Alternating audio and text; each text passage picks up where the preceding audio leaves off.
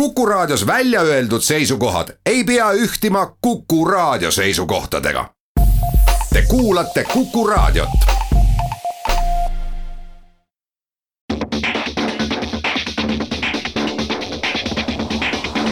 autotund. see on saade sulle, kui sul pole päris ükskõik, millise autoga sa sõidad. tere kuulajad, nädal möödas, Autotund on jälle eetris, Kuku raadios ja podcastis. millest täna räägime? räägime põnevatest asjadest, natuke lõbusamatest, kuidas näiteks autofännile saab närvidele käia, siis äh, mis toimub Euroopa autoturul, kes on seal popimad tegijad ja kes ei ole üldse, siis üks Eesti väga, ma ütlen, rahvuslik uhkus, võiks öelda mõnes mõttes, müüdi soomlastele maha. Äh, Mazda esitles uut linnamaasturit, mille kohta on paar küsimust ja lõpuks Tartu Motor Show autotunnile annab hoogu Subaru Foresteri laomüük Marine autos. nii, stuudios on Martin Mets. tere! ja Tarmo Tähepõld, hetkel pärast tuleb ka üks külaline. Martin, selline küsimus sulle, mõtlesin, et algataks saate natukene noh, vestluse vormis, et mis on sinu eelmise nädala auto, automaailmaga seotud tähelepanek, uudis, hea või halb asi? mul tegelikult jäi silma see, kus üks, üks daam tahtis ringil vasakule pöörata ja ma pidin üle tüki aja signaali liikluses andma, et ma andsin talle märku, et oot-oot-oot, sa teed midagi valesti ja ta sai aru. ja et mul lihtsalt tuli meelde, et signaali ma ei anna eriti tihti liikluses, aga nüüd see nädal oli see kord. oota, ta tahtis sõita ringteele ja pöörata sinna vasakule? vasakule kohe jah, et otse minna okay,. keeras juba rattad välja ja aa, päris hea. aga, aga tegelikult üks teine asi on mulle silma jäänud, mis mind natukene valesti hõõrub, on see, et Facebookis on selline lehekülg nagu Liiklusjärelevalve Keskus. mina, ja mina kasutan seda tihti. see on meil töö jaoks tegelikult väga, väga oluline just. informatsiooniallikas, aga see natukene hõõrub mind valesti see, kuidas seal kajastatakse, kuidas seal suhtutakse autojuhtidesse sest minu selline, minu veendumus on tegelikult, et enamik autojuhte on head ja toredad, arvestavad teistega ja on üldse mõistlikud inimesed.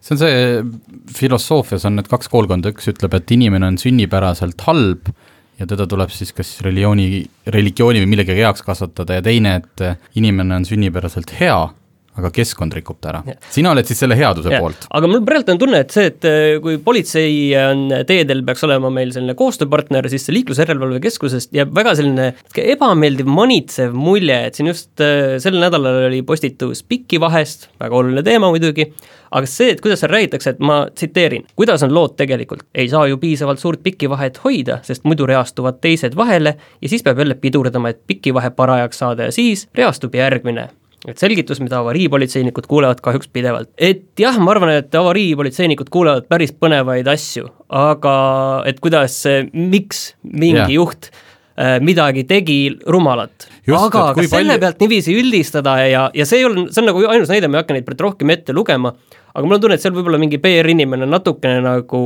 äh, äh, liiale läinud sellise asjaga, et äh, et kõik autojuhid on sellised äh, käituvad valesti, neid tuleb manitseda, neile tuleb õpetada, kuidas te peate käituma täpselt, saab, neid probleeme saab ju teistmoodi niiviisi mõistlikumalt välja tuua. ma arvan jah, et kui küsida autojuhilt, miks ta midagi tegi, siis eh, noh, sellist päris ausat eh, ülestunnistust, et eh, ma ei tea, vahtisin mujale või olin telefonis, seda nagu noh, ei, ei kosta kunagi.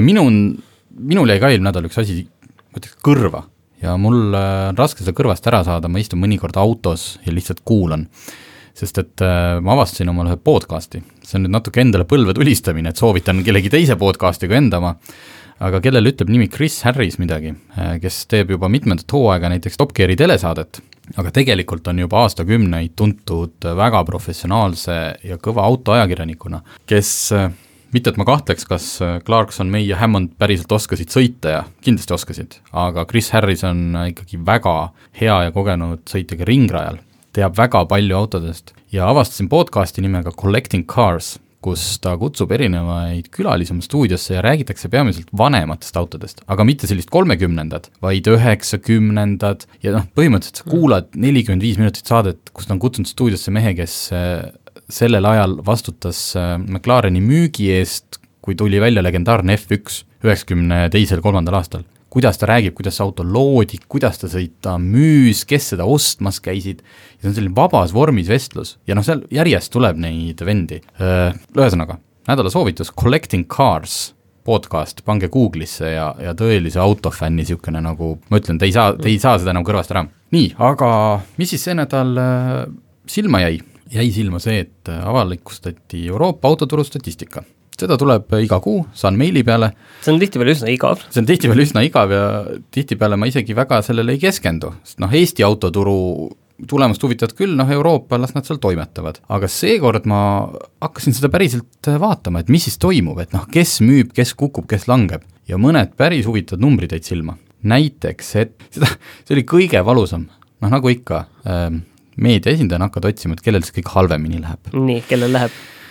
Alfa Romeo üks kõige suuremaid kukkujaid võrreldes eelmise aasta kaheksa kuuga on Alfa Romeo, kelle müük on kukkunud nelikümmend viis koma üheksa protsenti. see on äh, põhimõtteliselt, et enam peaaegu nagu müüki ei olegi, et mis, on seal mingi põhjust oskad ka kohe pakkuda? no ei oska, selles mõttes, et äh, noh, mina ei tea, inimesed on lollid.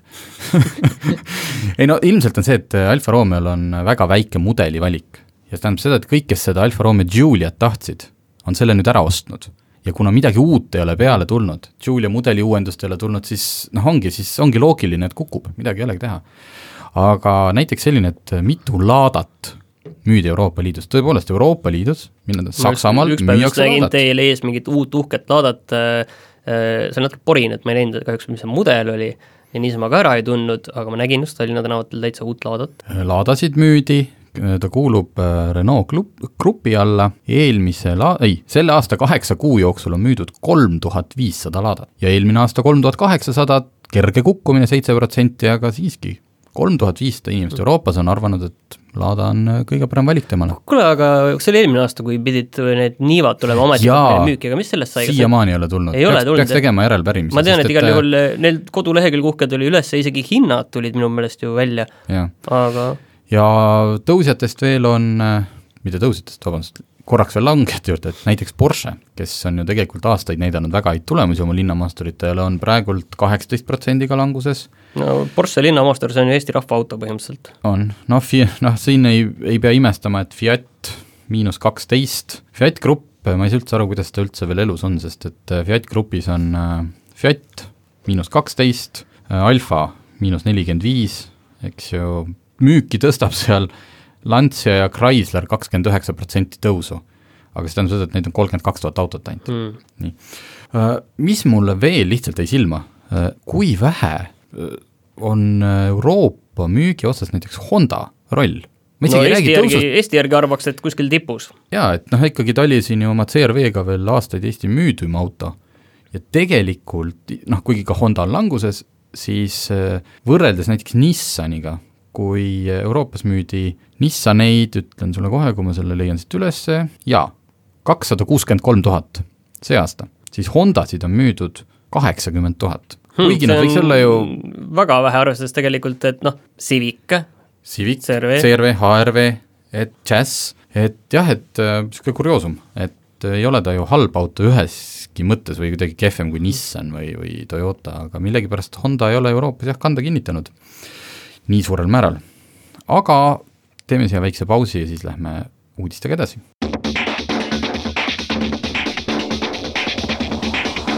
autotund.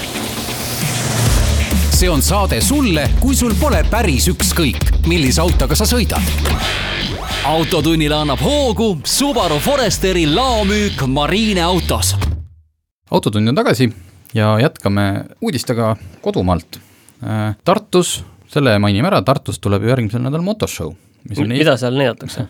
mitte motikaid, ilmselt motikaid ka. see on äh, Eesti kõige suurem autonäitus jätkuvalt, kuigi kevadel oli siin Lauluväljakul ka Sõidame, millel on potentsiaali kasvada, aga hetkel Tartule veel kannule ei jõua, see on koht, kus on äh, kakskümmend, kuni kakskümmend uut autot, mida ei ole Eestis niimoodi ametlikult, avalikult veel näidatud, sellised esmaesitlused, noh, võib-olla ajakirjanikud on näinud, äh, kohal on üks ideeauto, Škoda V Vision VR RS, Škoda Vision RS, mis on selline Škoda nägemus tuleviku tavaautost, äh, välja oli ekstra toodud, seal sees on interjööris kasutatud näiteks vegan materjale, et see on uus trend, ma tean, uus iPhone tuleb ka vegan selle nahaga või millegagi veel. just, ja lisaks saab teha, mis on minu jaoks selle Tartu Motor Show tegelikult kõige olulisem osa, äh, on see, et seal saab teha proovisõite seal on kuuskümmend autot proovisõiduplatsil. see on nagu ainuke võimalus, kus sa ei pea võtma tervet päeva ja käima erinevaid salonge, juhul kui sa oled niimoodi jäänud mm. kolme-nelja sõiduki vahele, vaid sa lähed sinna ja nad kõik on seal olemas, räägid, lepid kokku, lähed teed väikse tiiru või siis kas või istud kõigisse järjest sisse ja näpid nuppu. reedel hakkab kakskümmend seitse kuni kakskümmend üheksa september ma ei tea, Tartu on niisugune messilinn, seal see Maamess on ju kohalik äh, festival seal on tehnikat ka kõvasti. aga kõige suurem tegelikult äh, autodega seotud uudis eelmisest nädalast on see, et äh, Silver auto nüüd lõpuks müüdi maha. Ja, ja ostjaks on siis Veho, soomlased ja tegelikult see on noh, vaata ühelt poolt on ju, tule, tekib nüüd suurim Baltimaade automüüja, aga teistpidi, kas see ka tegelikult kuidagi ka tarbijat ja meid puudutab, et Mercedes saad ikka osta sellest samast majast äh, ilmselt, et äh, ega nad kuskile ei koli, ma eeldan. ei, selles mõttes jah, et sul nüüd äh, mingit kardinaalset muutust ei tule, lihtsalt äh, see on märgiline selles mõttes, et neid noh, ega ma täpselt ei tea, kellele kui palju Silverauto kuulus, aga Silverauto nägu on olnud aastaid ja on siiamaani no suuresti ikka kuulustab ka. jaa, Väino Kaldoja.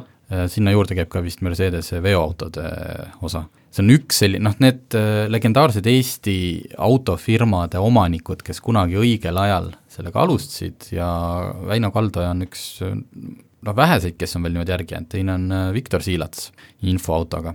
Ja nüüd lõpuks, äh, sest noh, Väino Kaldan näol on tegemist ikkagi päriselt ka ise sellise Mercedes entusiastiga, sest tal on ju just seal Rakvere Silver autos on väljas need tema uunikumid, seal Mercedes SL sada üheksakümmend, ma ei ole seal kunagi käinud, aga ma sõidan sealt väga tihti mööda. just, mine astu sisse nii kaua, nii kaua, kui saab, enne kui sealt need uunikumid ära viiakse et eh, selles mõttes soomlased on... ütlevad, et mis asi, viige need uunikumid ära, siin saab müüa.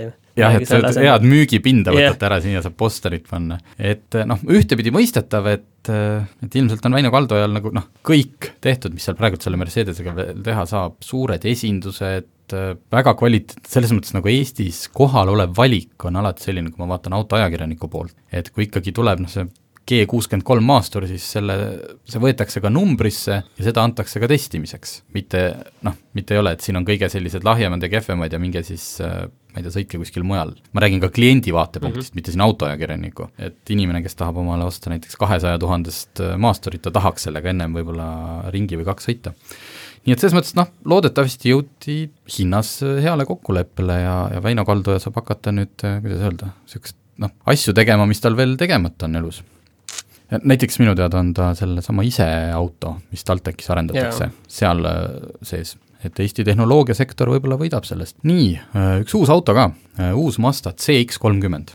mis ma saate alguses ütlesin, et selle kohta on mul natukene kobisemist. ma käisin sellega sõitmas ma tahaks väga kuulda jah, seda jaa, üks kõige suurem, need, kujutad, nüüd tulevad rida esimese maailma probleeme. üks on see, et Mazda CX kolmkümmend asetub mõõtudelt täpselt CX3 ja CX5 vahele. mis on auto nimi? Võiks ju olla CX4, noh täiesti mm. loogiline, ei, CX kolmkümmend, keegi kuskil Jaapanis otsustas. Mina mõtlesin lihtsalt, et see on CX3 uus versioon või mingi facelift või lihtsalt natukene paneme sinna juurde selle nulli, et see ta on nagu suurem linnamaastur kui CX3, aga ta on mm. CX kolmkümmend. olgu, sellest saab üle. teate, ma siin eh, olen täna seda mitmel puhul rääkinud, kui keegi on praegult ostmas tavalist, noh, me räägime tavaautot, mitte luksusklassi, mitte odavautot, sellist kõige keskmisemat, siis ma ütlen, noh, ma sain jätkuvalt kinnitust sellele, et koostöö kvaliteedilt või sellest, kus sa seal sees istud, hetkel Mazdast paremat autot ei ole. seal ei ole ühegi asjaga seal sees mööda pandud, kõik need materjalid, noh, sa, seda imi-, noh, naha imitatsiooni, aga siiski, või kunstnahka, on igal pool kõik nupud on päris metallist, käivad noh, saad aru, siin tehnoloogia maailma inimesed, me tahame, et nupp käiks õigesti, mitte ei logiseks kuskil. et äh, selles mõttes need äh, kobinad ongi mul ja kõige rohkem, mis mind kõige rohkem häiris sel nädalavahetusel, sa lähed pagasnik, pagasiluugi juurde, sa vajutad seda nuppu, ta käib, sellel versioonil oli elektriline luuk, vajutad nuppu, käib klõps, siis ja. on täpselt nii palju vaikust ja siis hakkab ta avanema liiga, liiga see, see ei, aga see on nii totakas sekund või kaks seal, miks see peab seal sa olema? sa saad eest ära tulla, et ei läheks sulle vastu, et sa saad Ahaa, taganeda ühe see... sammu või niiviisi. okei okay,, see, see lihtsalt niimoodi, niimoodi pani imestama, et miks ta vaja on. aga ühesõnaga. Aga kuidas sõita oli? väga hea, ta on vaikne, ta on ka sõit, noh täpselt kõik see, mis äh, koostöö kvaliteedi juures tuleb ka sõites välja. sest tal isegi suunatule heli on teistsugune kui tavalistel autodel, niisugune natuke tuhmim klõmpsumine, mõnus. Te peate, noh, ma ütlen, raadio, raadioeetris on seda raske seletada, vaadake pilte, siis te saate aru. pluss see Mazda sügavpunane värv jätkuvalt. mitte ükski teine autofirma ei tee praegult ilusamat värvi kui Mazda, see on fakt. ma, ma, nüüd lootsin natukene kriitilisemat muidugi äh, ei ole, kahjuks, kahjuks ma tahtsin jah, teha, mulle ka alati meeldiks teha kriitilisemat ja pihta okei okay,, kojamehed tegid ka liiga palju häält, võib-olla sellepärast, et see on väike auto, ma istusin esiklaasile liiga lähedal. aga mis see maksma hakkab? vot, teine asi, see oli selline linnamaastur, kuhu mahub pere kahe väikse lapsega ära, ilusti, taga on ruumi piisavalt, mahub ka suured inimesed, kui pead sõitma, see oli, jumal teab, luksuri varustuses, selle konkreetse auto hind oli kakskümmend üheksa tuhat ja mul ei ole sinna autosse mitte midagi rohkem vaja tal oli kõik olemas, mis minu jaoks on autos ja seda, ja mul on autosse palju asju vaja, nii et selles mõttes äh, alla kolmekümne tuhande saad täisvarustuses, väga hea auto. aga miks siis eestlased ikkagi Škodat ostavad? ma ei tea, eestlased, kirjutage meile, miks te ei osta Mazdat, mitte et miks te Škodat Škoda on ka hea auto. võib-olla Mazdaga on seotud mõned hirmud sealt natukene varasemast ajast ilmselt, et et kas roostetab? jaa, ma ei tea, Škoda ka kunagi üheksakümnendate alguses roostetas, sellest nagu oleme üle saanud, et äkki nüüd on Mazda kord. nii, meil on veel teise saateploki lõpus natukene aega ja selline väike lõbus uudis, et kohtasin Facebookis ühte teemat, nagu ma ikka seal ringi seiklen, kus äh, oli ülesanne, et nelja lau-, neli sõna, millega autofänni närvi ajada pange. no siis hakkas kommentaari neid il-, ilmuma, siis ma vaatasin ja lugesin ja lugesin ja üks oli parem kui teine. Ja siis ma valisin nendest mõned ka välja, tegime niisuguse väikse topi. mis on, kui, neli sõna, millega autofänni mm. närvi ajada. näiteks, palju see kütust võtab? mis on väga praktiline küsimus ju, miks see, miks see närvi ajab no, esiteks nad kõik võtavad tänapäeval kaheksa ja kui sul on mingi sportauto, siis ei ole mingit vahet, palju ta võtab. teiseks, tundub nagu oleks keritud. ehk siis jutt käib spidomeetrist. või noh, sellest ma saan praegult siin aru, ma ise juba hakkan vaikselt ärrituma. auto on lihtsalt transpordivahend. nii, kas sul on need ees? on küll, jah. kaugel see projektikas on, et äh, just, ja siis, äh, mis ilmselt kõiki, mis me panime veel niimoodi mustalt, mis tänapäeval on niisugune äh, paras päästik, millega saab valla päästa korraliku tulevärgi, tulevik on elektriautode päralt. selle mõttega lähme pausile ja siis tuleme juba tagasi koos saatekülalisega.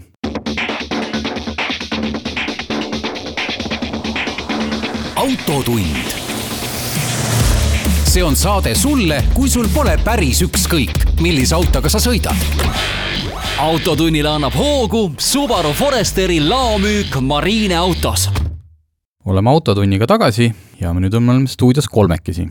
lisandunud on Risto Kapet, kes on, ma ütlen, võidusõitja, võib nii öelda? jah tere, olen. Äh, Risto näiteks käis just see nädalavahetus Frankfurdi autonäitusel äh, ja osalesid seal ka ühel võistlusel, aga et seda, miks võidusõidu fännid praegult ei tea keegi, et mis võidusõit Risto Kappet on, siis me räägime e-spordist. mis, äh, hakkame otsast peale, millega sa sõidad? No füüsiliselt, millega ma sõidan, on rool ja pedaalid, aga, aga jah, arvuti taga ja siis on erinevaid simulaatori platvorme, nii nagu on erinevaid rallimänge, on ka simulaatori platvorme ja nii nagu ülejäänud e-spordid, siis, siis on võimalik nendega võistelda ja seekord siis jah, Frankfurdi autonäitusel üks mitmest, kus, kus võisteldi, oli, oli see minu oma, selle platvormi nimi oli Race Room ja seal me võidu sõitsime. oota, mis tähendab sinu enda platvorm?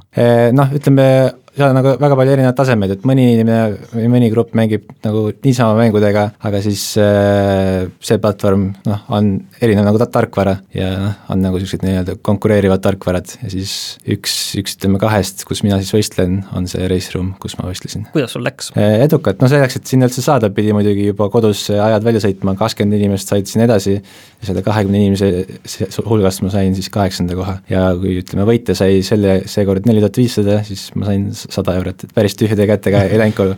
aga niisuguseid võistlusi on päris palju ja need, kes tookord mind võitsid, mina olen neid varem võitnud ja keda mina võitsin, on varem mind võitnud, et see on päris niisugune pingeline andmine. kas sul, ma lihtsalt küsin selle ka ära, et kas sul endal load? load on, olen sõitnud, olen autoomanik olnud. oled olnud hetkel nüüd sõidan jalgrattaga, jääb rohkem aega ja raha kätte. ahah, väga huvitav. aga ma korraks ikka pöörduks tagasi, et kas siis see Race Room ei ole asi, mida mina saaksin praegult kuskilt, Martin nüüd aitab, Steam, mis need kohad on, PlayStation kuskilt osta või mängida või saab? läbi, läbi Steam'i see on ja eks see põhi tulebki sellest, et miks me, miks, miks me üldse saame võistelda auhindade peale, ongi see, et väga palju noh, suurem osa inimesi mängib seda niisama, võistleb võib-olla online'is sõpradega, parimal juhul kuskil noh, oma kodust võistlustel, aga noh, kuna see ka, see content seal maksab, siis äh, läbi selle on väike tulu ja inimesed vaatavad neid broadcast'e pärast ja ja sealt see tuleb, aga jah, see on küll suur, suur mängijate baas, nagu igal pool mujal e-spordis neid mänge saad kõik mängida, aga ainult tipud saavad nagu seal osaleda. okei okay,, Martin, kas sina olid Race Room'is sellest kuulnud, sest noh, mina ma ei kuulnud ei olnud, aga ma just praegu guugeldasin ja tõesti Steamis on olemas väga palju erinevaid radasid. äh. aga miks just näiteks see Race Room või miks mina, ütleme siis sellise hästi-hästi tagasihoidliku arvutimängurina olen kuulnud pigem ikkagi WRC, Dirt, äh, okei okay,, ärme Need for Speedi maini, see ilmselt ei ole selline võistlusasi, aga Gran Turismo,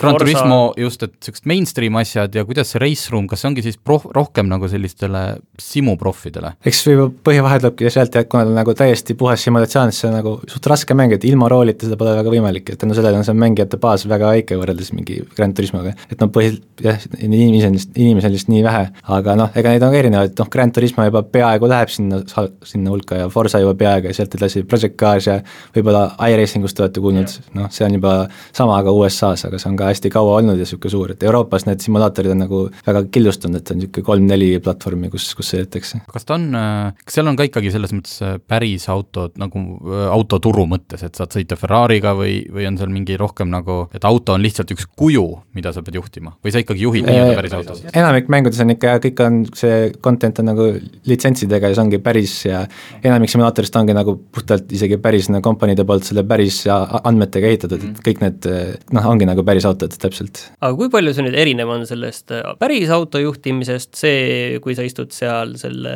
race room'is äh, autorooli, et palju see tegelikult erinev on? no väga paljud äh, pärisvõidusõitjad ka on huvi tundnud ja noh, näiteks vormel ühes väga paljud sõitjad istuvadki simulaatorites, kuna enam testida ei saa, aga no, no ikkagi on, võib-olla kõige paremad simulaatorid juba jäävad selle taha, et puhtalt tänapäeva arvutiriistvara ei suuda nii täpselt simuleerida neid rehve, aga see põhiline asi, kuidas, kuidas sa, mis liigutusi ise pead tegema, kuidas sa pead ette valmistama ja et see kõik on nagu sama, et see sportlase pool on sama, aga noh, et täpselt üks-ühele võib-olla mõned simulatsiooni aspektid jäävad puudu jah, et rada võib-olla ei ole nii täpne, on küll rajad tehtud nagu las-, laseritega skaneeritud, aga aga samas see, kuidas nad muutuvad dünaamiliselt, ei ole alati sama ja noh, muidugi kõik päris sõitjad ütlevad seda, et sa nagu oma kehaga G-jõude ei, ei tunne, aga samas on ka olemas selliseid kokpite, mis neid liigutavad ja kui paned veel virtuaalreaalsuse pähe, siis võibki areneda nii kaugele, nagu vormelipedaalid on, kus nemad saavadki nagu kasulikku informatsi-, informatsiooni sealt, nii et päris, päris lähedal. oled sa saanud kunagi proovida ka mingit sellist professionaali, kas mõne vormelitiimi või võidusõidutiimi mingit simu või, või VR-lahendust? Äh, ma olen niisugustel live-üritustel nagu, kus ma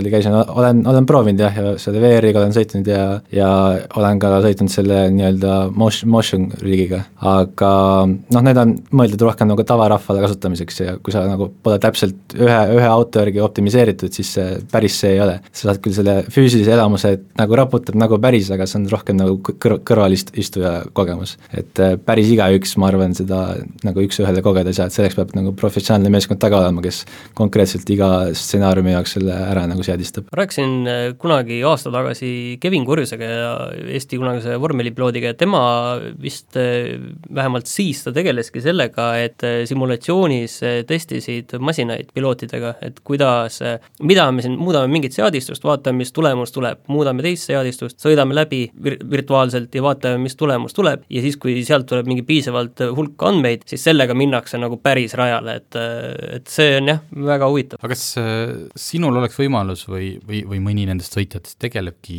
ütleme, igapäevaselt, äkki sa tegelikult, ma pole küsinud, mis sa igapäevaselt teed, et sa saaksidki olla kuskil mõne tiimi liige, kes aitab arendada, sõites simulaatoris ja saates, andes neile tagasisidet? no kui ütleme, kui nüüd kõik need mängijad, kes neid simulatsioone mängivad kokku võtta, siis nendest ütleme, viis protsenti on minusugused, kes saavad võistelda. Ja nendest minusugustest ütleme veel viis protsenti ongi need, kes ongi kas läbi mingi võistluste või läbi oma oskuste ongi kuskil päris tiimides, näiteks üks näide on, ma ei tea, kas olete kuulnud, Rudi Van Buren, ta võitis kaks aastat tagasi niisuguse võistluse nagu World's Fastest Gamer, saigi McLareni F1 tiimi ja nüüd, nüüd ongi seal ja nüüd ta käibki igal pool ringi, nii et see on, see on täit-, täitsa võimalik ja reaalne tegelikult. aga need simulaatorid, kus sa nüüd sõidad võistluse peale, kui peeneks seal on aetud kogu see häälestamise osa, et sa ennem ise sätid oma auto paika, pluss siis kas võistluse ajal kui me räägime võrreldes reaalmaailmaga, näiteks et oled kolm ringi ära sõitnud ja, ja pidurid näiteks toimivad juba teistmoodi, sest nad on kulunud või kuumad? on, on, see ongi, ütleme noh, see race room, kus ma käisin, see on rohkem, ongi mõeldud niisuguste e-spordi ürituste jaoks, seal nagu nii peene, peeneks ei ole, aga kodus, kus ma kõige rohkem võistlen, selle platvormi nimi on Air Factor kaks, seal juba tõesti, enne võistlusi ma pean, noh, saab, kogu autot saab muuta, seda seadet ma pean eh, pärast igat sõitu analüüsima oma andmeid ja peab seadistama ja sõitude ajal muidugi rehvid kuluvad, rada läheb kummi lumisemaks ja ilmastik võib muutuda, et tegelikult seda tehnilist taipa on päris palju vaja jah, ja kui sul ise nagu ei jaksa sellega tegeleda, siis isegi ongi tiimides olemas insenerid, kes sellega tegelevad, et see on üsna reaalne jah, ka see pool. kuidas selle e-spordiga üldse on, ütleme, et äh, sellistes äh, kihutamismängudes või võidusõidumängudes, et kui, ma saan aru, et tegelikult seal võrreldes teiste e-sportidega vist ei ole väga levinud ja auhinnarada, rahad on vist ka natuke madalamad? jah, no netis saab selle e-sports earning'u lehe pealt umbes vaadata, aga jah, umbes, umbes sama, sama nagu suhe on, et kui palju need tavamängijad nendest tavamängijatest näiteks Counter Strike'is versus siis mingis R-Factoris, R-Factoris on vist eh, iga kuu aktiivne tuhat mängijat, aga kuskil CS-is on sada tuhat, umbes niisugune tuhandekordne vahe ongi. aga pluss on see, et kui noh, CS-is sa ei harjuta, et, et saada päris sõduriks või Fifas sa ei, harjuta, et saada päris jalgpalluriks, siis eh, simu-, simulaatorispordis on see, on nagu üks-ühele korraldus, et väga paljud päris tiimid, kuigi meid on nii, nii vähe, annavad meile palju rohkem nagu võimalusi nagu integreeruda. nii palju, kui meid on vähem, on selle võrra nagu reaalsem see kõik. tuleme kohe tagasi ja räägime siis edasi.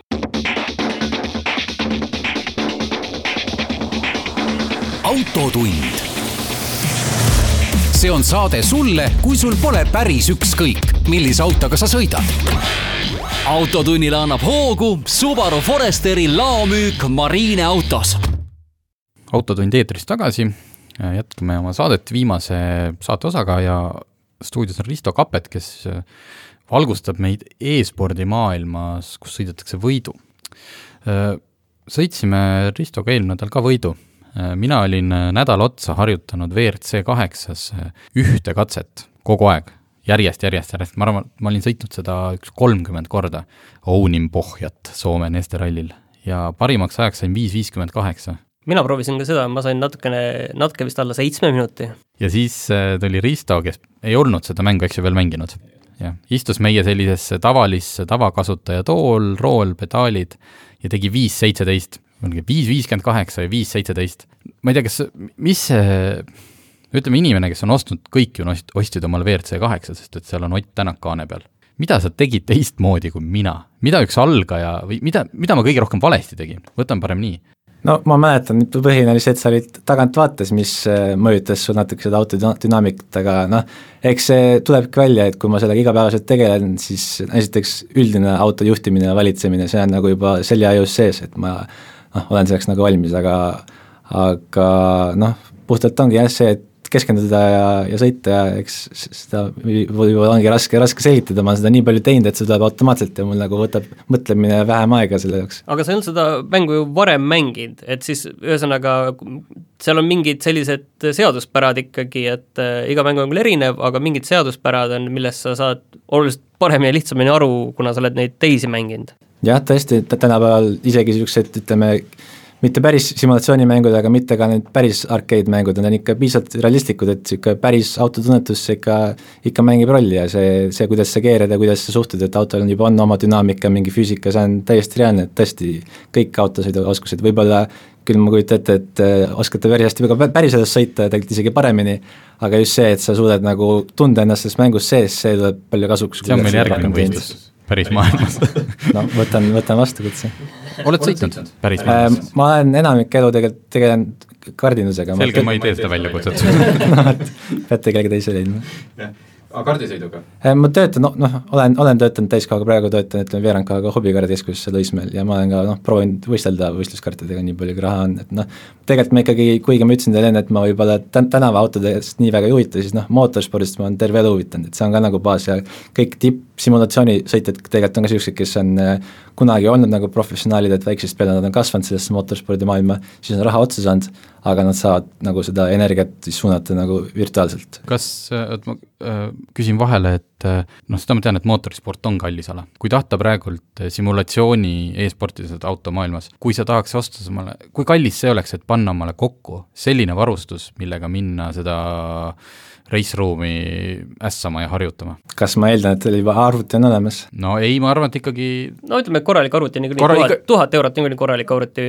kuni tuhat isegi, jah, see reisruum pole nii hull, siis noh, põhimõtteliselt kui teil on normaalne, normaalne laud, kus te saate panna rooli külge juba ja tool, siis ütleme, kahesaja viiekümne, kahesaja euriga kasutatult, et võtate sellesama Logitechi rooli, mis meil on ja, ja, ja minek, sest kodus ma olen sõitnud ka enamik karjääri sellesama, sama rooliga, tegelikult alates mingist kahesaja euro piirist sa juba enam nagu täpsemaks minna ei saa, sa saad küll rohkem niisugust nagu reaalse, reaalset tunnetust, aga e-spordi mõttes sul ei ole vaja mingit tipptehnikat. okei okay,, mina arvasin, et sul on kodus niisugune viietuhandene tool, kus võiks olla. kus on, just, aga mõtlen, et mis see noh, et mida annaks juurde, kui mul oleks noh, ütleme viis tuhat eurot? no see on, ütleme, kui sa juba sõidad pikema distantsi, et see, et sa nagu suudad keskenduda pikemat aega, et sa ei tunne ennast ebamugavalt ja sa noh, sa ei näe kõrvale, mida keegi teine teeb, et sul on VR peas, see noh, see aitab natuke juurde, aga see, see nagu joon juba, juba hakkab, hakkab langema, kui efektiivne see on, et kui sul juba on rool, niisugune noh, ütleme kahekümne seitsme tolline monitor, et sa juba näed, kuhu sa sõidad, siis see on juba, juba kõige efektiivsem. aga need toolid, mis sul seda G-tunnetust natukenegi aitaks või suruks sind ühe külje pealt ja teise pealt, kas see on niisugune võltstunne või see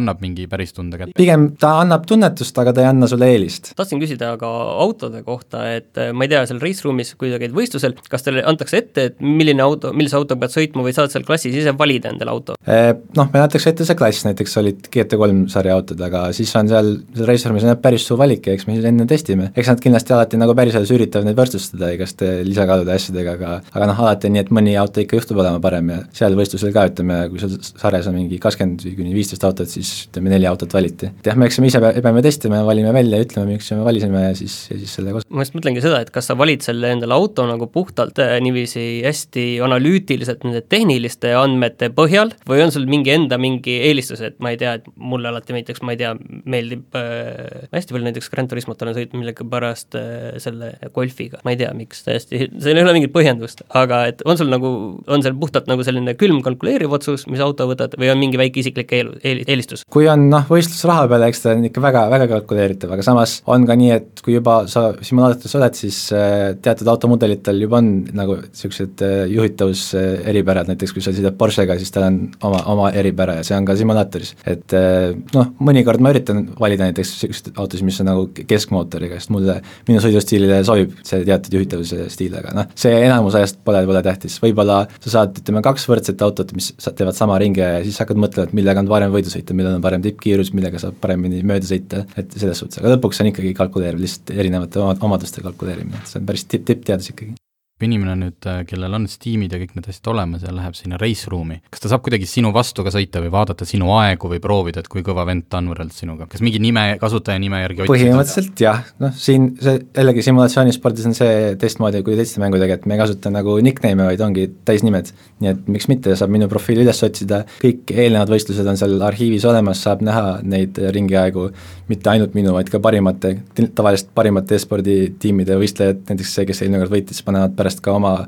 oma ringist video üles, et sellega jeputada, et tegelikult saab väga-väga lihtsalt. kas sinu auto setting uid saab ka kopeerida kuule, kuule, saada oma setting ud, et ma tahaks ka nii head. see on väga, väga populaarne küsimus ja mulle isiklikult meeldib kõige rohkem, ma hea meelega võtan selle kutse vastu, aga siis ma hakkan õpetama, kuidas ma selle setting uni jõudsin, mitte ma just ei anna lusika peal okay,. aga võib, võib ühendust võtta küll, paljud on võtnud ja ma hea meelega ise õpetan, selle võrra ma saan ise ka targemaks, kui ma ise aga näiteks see, kes seal võitis ja enda ringi pani üles, et mida näiteks tema teeb siis teistmoodi? ma alguses võib-olla mainisin, et see Raceroom pole minu põhiline, et ma enamus ajast äh, võistlen see R-Factoriga, temal jälle on vastupidi, tema on hästi pikalt seda võistelnud, aga noh, eks see ongi oma nagu hetkelise vormi küsimus, et kui sa oled seda pikalt teinud, ta on see aasta mitmed võistlused osa võtnud, muidugi ta on väga talendikas, ta on seda ka lapsest saati teinud ja siis lihtsalt sel hetkel läks ta ei tee midagi nagu põhimõtteliselt teistmoodi, et seadistab autot kuidagi teistmoodi või muidugi ma ei tea, sest et ma vastan, et ma ei tea, mis nüansid seal olla võivad, ta on ka suures tiimis, tema tiimi nimi on näiteks Williams e-sports, ongi see Williams F1 tiimi ametlik e-spordi tiim, et äh, võib-olla, võib-olla seal on mingid vidinad täpselt, mis, mis ta on, kas, kuidas näiteks seal kohapeal me saime oma, oma roole seadistada, mida me polnud varem katsetanud, et kuidas see